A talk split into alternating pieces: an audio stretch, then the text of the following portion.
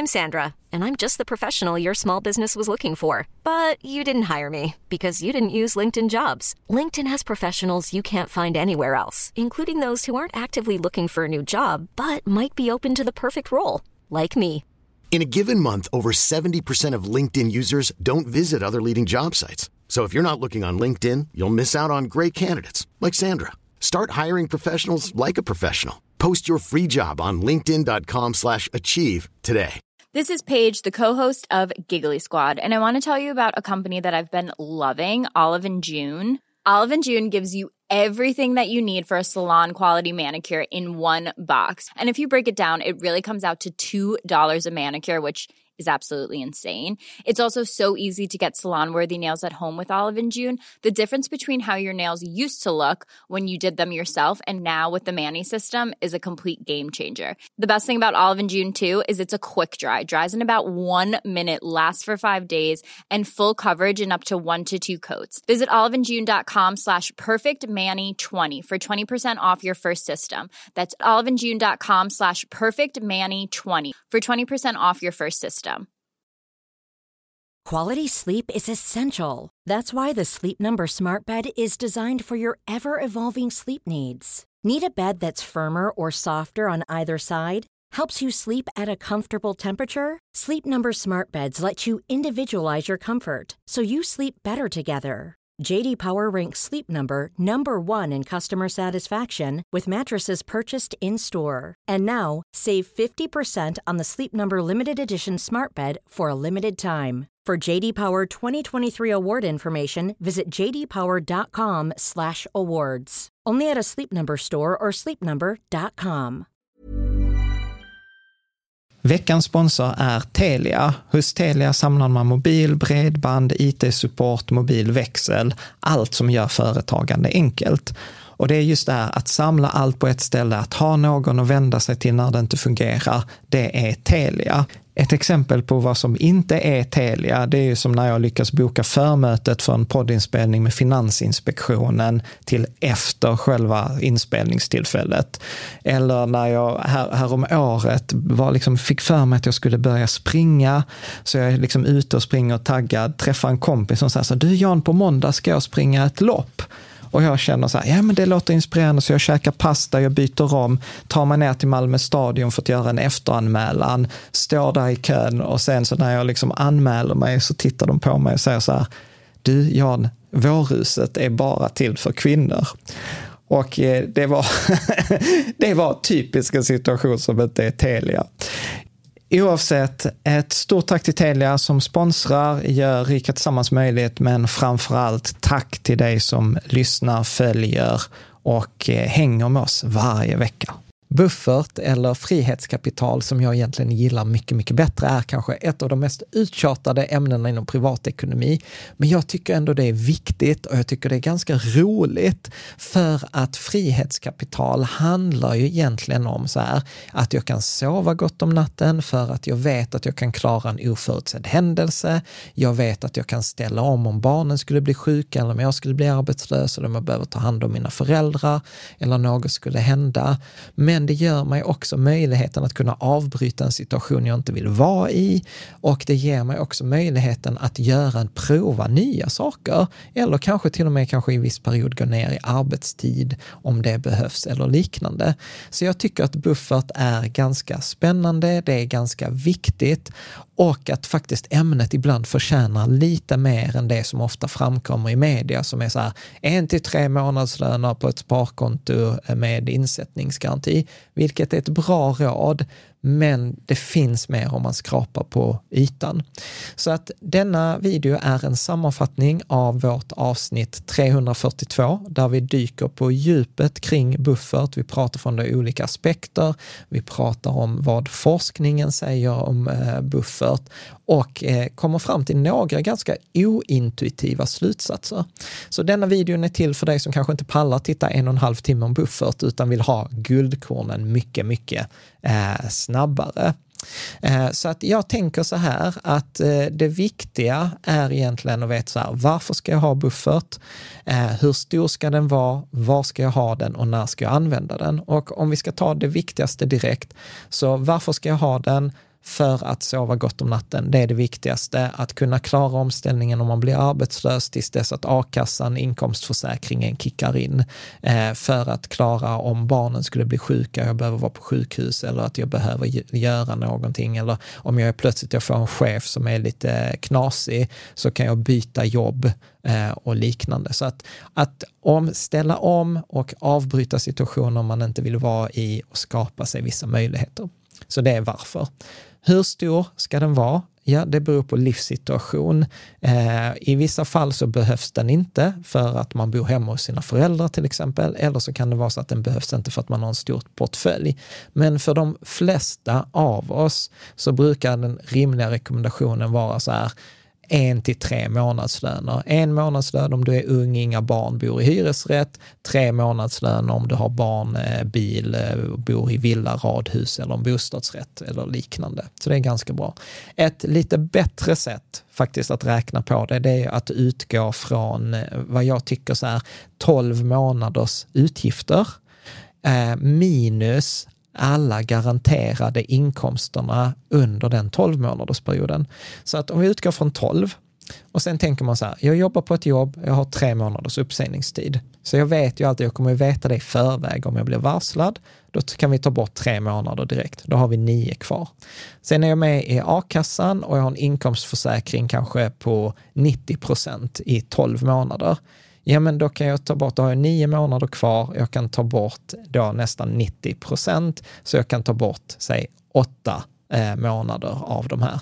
Ja men bra, då vet jag att jag behöver en månad eh, Eh, buffert. Så det är ett lite, lite bättre sätt att tänka. Det är så vi pratar när vi pratar om fyra hinkar-principen. Var ska man ha sin buffert? De flesta bör ha sin buffert på ett eh, sparkonto med insättningsgaranti. Ibland brukar jag den här, som vi kallar då för akutbufferten, brukar jag faktiskt ibland rekommendera att ha på en annan bank. Eh, och fördelen med att ha den annan bank är att man får inte feeling att liksom använda den för att betala vanliga räkningar, utan den finns där som en liksom, trygghet, som en krockkudde, som liksom, god nattsömn. Och sen så tänker jag också så här att den ska ju faktiskt användas när saker händer att eh, vi har till och med pratat om ett uttryck i forumet som heter så här fear of using budget eller sin buffert.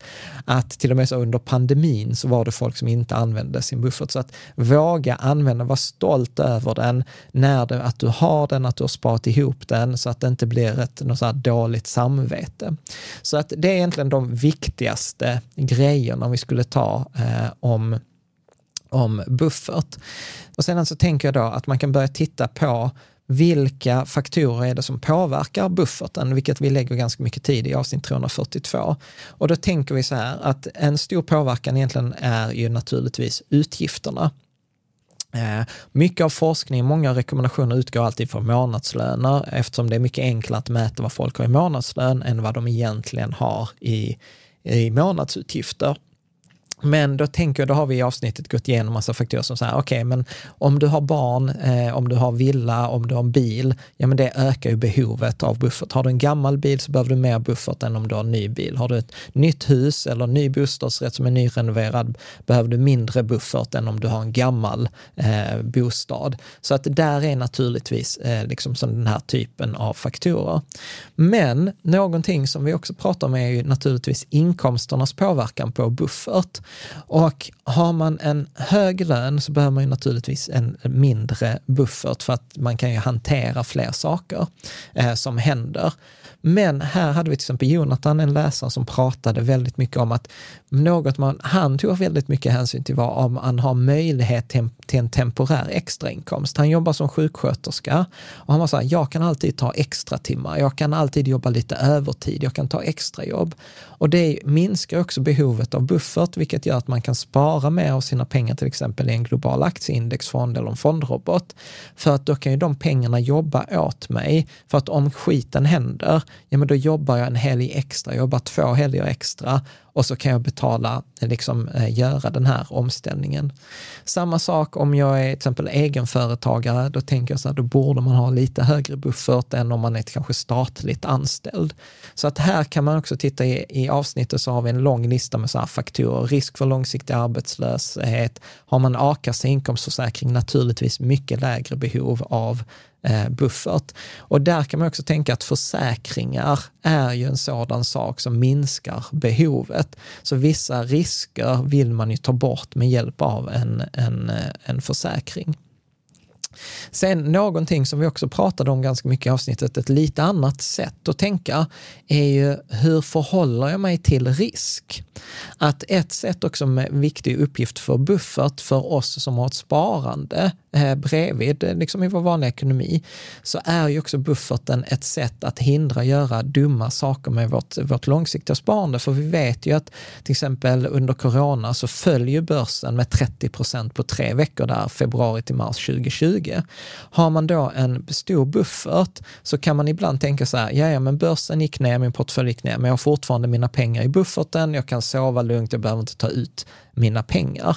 Så att där kan man ju också unna sig att, att bufferten är ett slags komplement till ens övriga sparande. Och lite beroende på vilken riskattityd, risktolerans, riskkunskap, riskkapacitet jag har så kan jag påverka hur mycket, bud, eh, hur mycket buffert jag, jag behöver. Är jag orolig för börsen, att jag tycker att det känns jobbigt när börsen svänger, då bör jag naturligtvis lägga mer pengar i bufferten så att jag kan sova gott om natten. Det bästa är när man kan vara så här, det är okej okay att portföljen svänger för jag har ju min, min eh, buffert.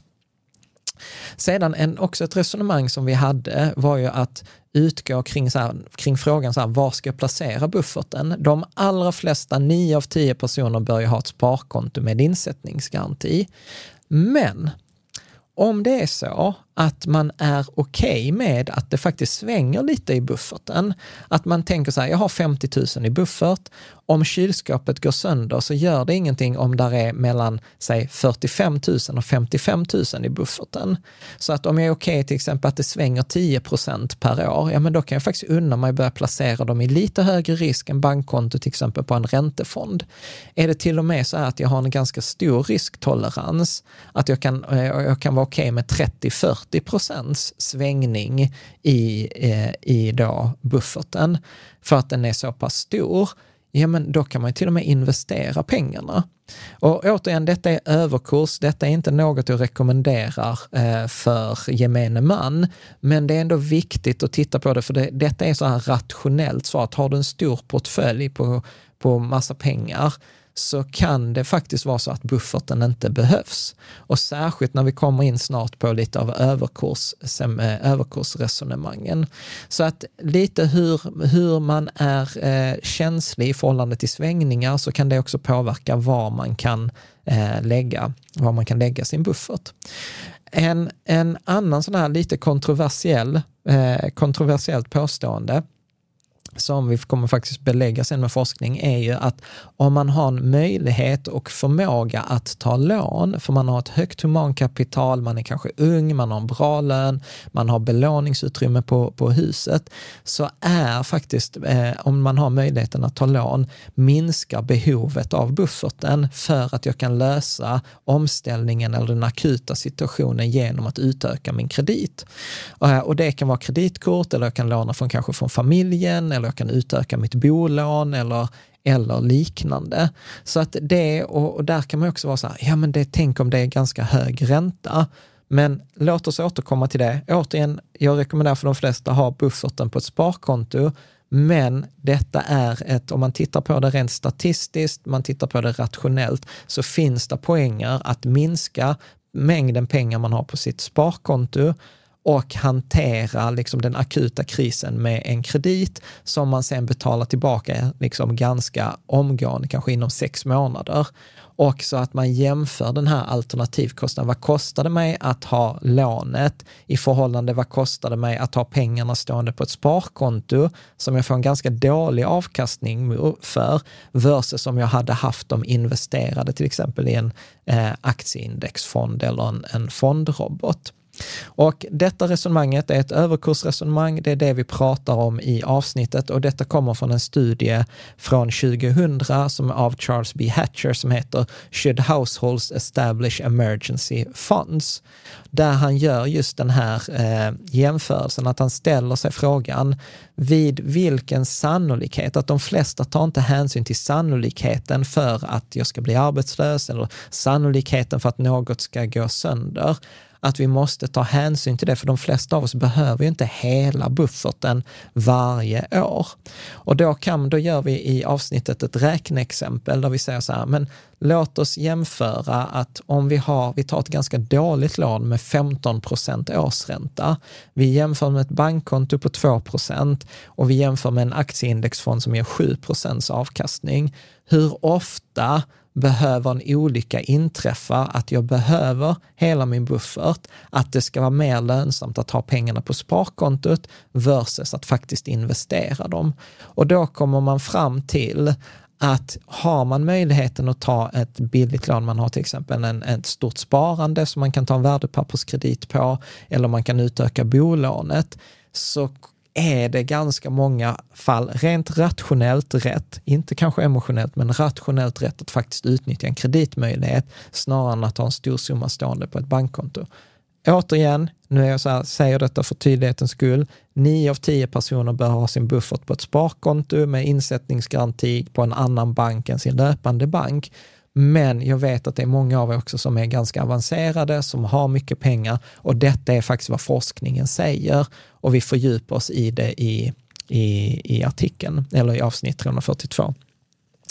Sedan så pratar vi också om två olika perspektiv på buffert. Att eh, vi hade eh, Mattias A90 i community som sa så här, buffert ersätter enligt mig inte kortsiktigt sparande till konsumtion eller upplevelser, utan det sparar man till vid sidan av buffert. Och sen hade vi Esku från Finland som säger så här, jag har ingen buffert vid sidan om, utan jag använder då inkomster, buffert, utgifter, sparande. Så liksom två personer, två helt olika perspektiv.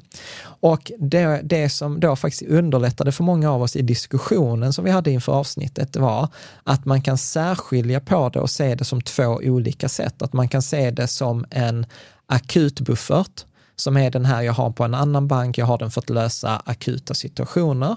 Och sen det som Esku då har är en likviditetsbuffert, eh, eh, där jag börjar liksom till säga så här, jag har mina pengar på banken, pengarna kommer in, sen har jag ett konto där det står en viss summa och sen använder jag den för alla utgifter och mitt mål med bufferten är att det ska alltid finnas x summa. Så att man använder det liksom som, en, som ett kärl. Man skulle nästan kunna tänka att lönen är som en kran och det rinner vatten i den här bunken och sen använder jag bunken för att betala mina räkningar, men jag vill alltid att det ska vara en viss nivå i bunken. Medan det andra sättet att se akutbuffert är att jag har en helt annan hink eh, stående på ett helt annat ställe. Och inget är rätt eller fel, det bara två olika eh, perspektiv på detta. Så en akut eller försvarsbuffert versus en likviditetsbuffert. Eh, och det intressanta här är till exempel då som Axer, som är en användare i communityn, väldigt avancerad, har pratat om det liksom så här att om man har ett tillräckligt stort investerat kapital, då behöver man ingen akutbuffert. För att om man inte tycker att uttaget spelar så stor roll, även om börsen kanske har just fallit, eh, så fyller faktiskt akutbufferten ingen funktion. Återigen, överkursresonemang. Jag rekommenderar alla ha en akutbuffert.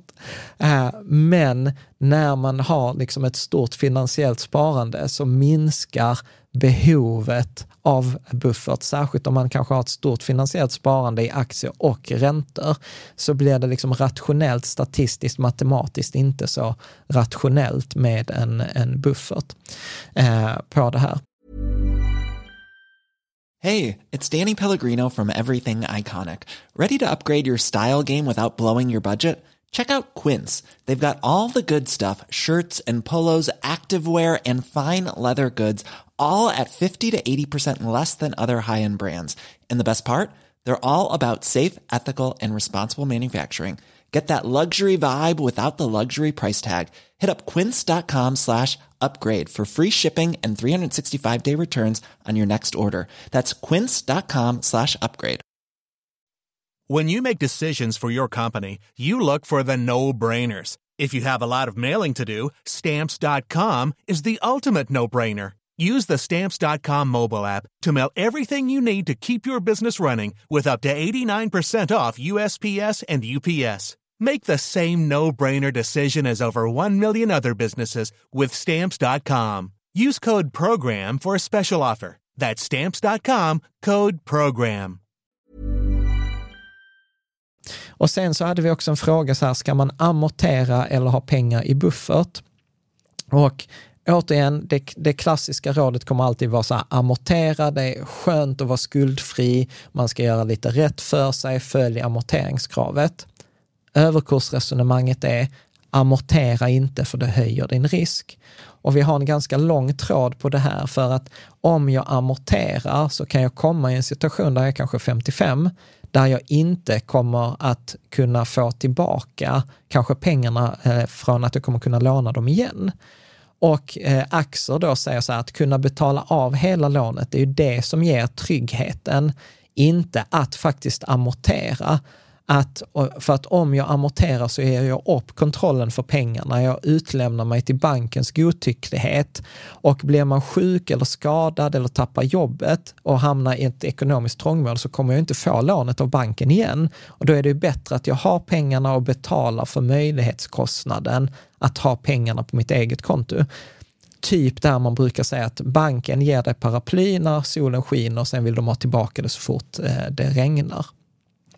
Så att återigen, återigen, lite så här, det är det du får på Rika Tillsammans, de här olika eh, perspektiven.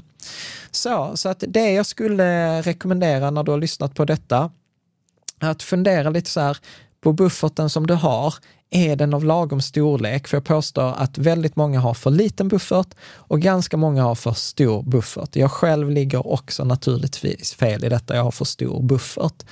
Och där är ju den här alternativkostnaden att eftersom jag inte använder hela bufferten så kanske jag hade liksom haft bättre nytta av dem att faktiskt investera dem, särskilt om jag har kanske den här möjligheten att korrigera omställningen på ett annat sätt. Så att jag skulle säga så här, stresstesta din ekonomi, vad är de vanligaste scenarierna? Så här, skulle du klara byta jobb? Skulle du klara eh, en uppsägning?